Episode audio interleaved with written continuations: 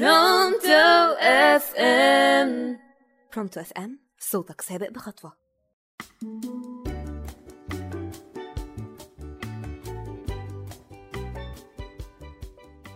يا مساء السعادة والجمال على كل اللي بيسمعونا على راديو برونتو FM ومعاكم دكتور نرمين رمضان في برنامج سفريات. وطبعا زي ما سمعتوا اسم البرنامج أول حاجة جت في بالكم وهي شنطة السفر. ويلا بينا نهرب من الحر ده. وبينا على الساحل أو شرم أو سخنة واللي نفسه في قعدة على البحر في المالديف مثلا ويهرب من ضغط الشغل أو الامتحانات أو مشاكل حواليه.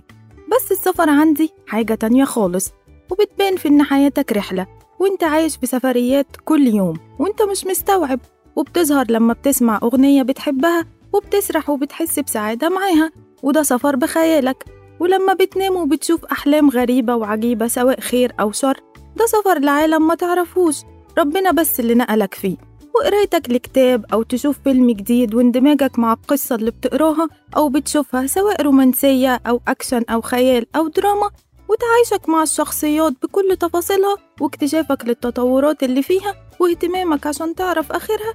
دي رحلة مع الحالة بخيالك وبتفصل فيها عن الواقع بكل اللي موجود فيه. ومش هقدر أنسى خالص الكلام عن أهم حاجة بنعيشها كل يوم زي مثلا الشخص المحبوس في الزحمة.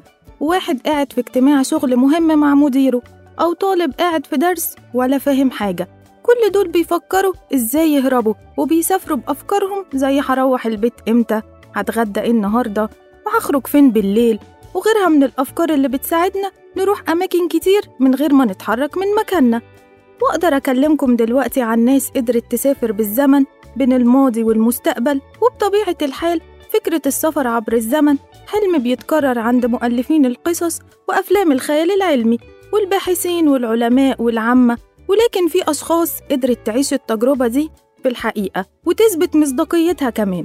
وبنبدأ مع قصة الطيار البريطاني روبرت فيكتور غدارة واللي شاف طيارة قبل صنعها. بدأ الموضوع لما بعتوله عشان يفحص مطار مجهول في مدينة إدنربا البريطانية 1934 ولما وصل المطار لقاه متحطم تماما وسجل ملاحظاته وأقلع بطيارته بس اللي منعه المطر الشديد وضعف الرؤية ورجع للمطار ومن هنا كانت الصدمة. حصلت هو إن الجو اتغير خالص والشمس طلعت واختفت الغيوم والمطار المهجور بقى عمران وكمان في عدد كبير من الميكانيكية بلبس لونه أزرق وأربع طيارات صفر على مدرجات الإقلاع ومحدش شافهم قبل كده. وروبرت وقتها كان طيار عسكري يعني عارف كل أنواع الطيارات وقتها وحصل عنده نوع من الارتباك والهلوسة وحصلت مفاجأة غير متوقعة بعد أربع سنين لما أرسلوا عشان يجي المطار ده تاني. شاف المطار بالمنظر اللي شافه 1934 والطيارات الصفرة دي كانت من طراز مايلز ماجستير واتصنعت أول مرة في سنة 1937 يعني بعد ثلاث سنين من ساعة ما شافها روبرت. وفي قصة الصحفي برنارد هوتن والمصور يواكيم براندت واللي شافوا غارة جوية قبل حدوثها ب 11 سنة وبدأ لما أرسلتهم واحدة من الجرايد الألمانية في سنة 1932 عشان كتابة قصة صحفية على ورشة تصليح سفن في هامبورج وكانت الزيارة عادية جدا لحد ما السما مطرت قنابل وأدركوا إن هم في محيط غارة جوية واستغلوا الفرصة وأخدوا صور. بس لما رجعوا الناس ما صدقتهمش وبتحميض الصور اتثبت العكس وإن مفيش أصلا حاجة حصلت. وبالصدفة بعد 11 سنة الصحفي هوتن كان عايش في لندن وقرأ عن خبر عملية جومورا. ودي واحدة من الغارات على هامبورج ولما شاف الصور لقاها بالظبط متشابهة تماما مع اللي شافه سنة 1932 ومن القصص الغريبة قصة الراجل اللي جاي من بلد مش موجودة على الخريطة أصلا. بدأ الموضوع مع راجل بيحاول يعدي من منفذ الجمارك في مطار هنيدا بالعاصمة اليابانية طوكيو في سنة 1954 بس معرفش يعدي وده لأنه ادعى إنه من بلد مش موجودة أصلا وكان معاه جواز سفر من بلد بتتسمى توريد ومعاه طوابع بتثبت ده ولما اتسأل فين توريد قال إن هي بين أسبانيا وفرنسا فموظفين الجمارك قالوا له يعني تقصد أندرو؟ اتعصب وقال إن اللوكيشن صح. بس توريد موجودة من ألف سنة على الأقل بس محدش سمع بيها. وفي الآخر وفروا له أوضة في الفندق وكان عليها حراسة مشددة. وحصلت الصدمة والذهول في إن الراجل تاني يوم الصبح اختفى. واختفى معاه جواز السفر كمان واللي كان موجود في مكتب أمن المطار. ولحد دلوقتي محدش يعرف سر راجل توريد الغامض. وبطبيعة الحال زي ما حصل سفر للمستقبل برضه في رجوع للماضي وفي وقائع كتير عن ناس رجعوا بالزمن.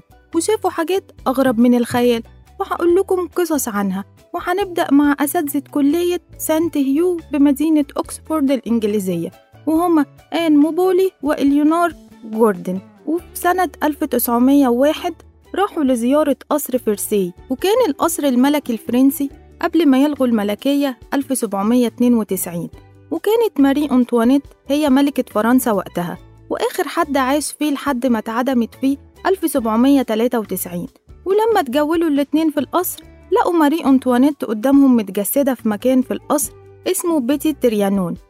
ده مكان اتبنى ليها مخصوص من جوزها لويس السادس عشر. وشافوها وهي بترسم ومندمجة وحواليها ناس لابسين حاجات قديمة ترجع لفترة التمانينات القرن الماضي.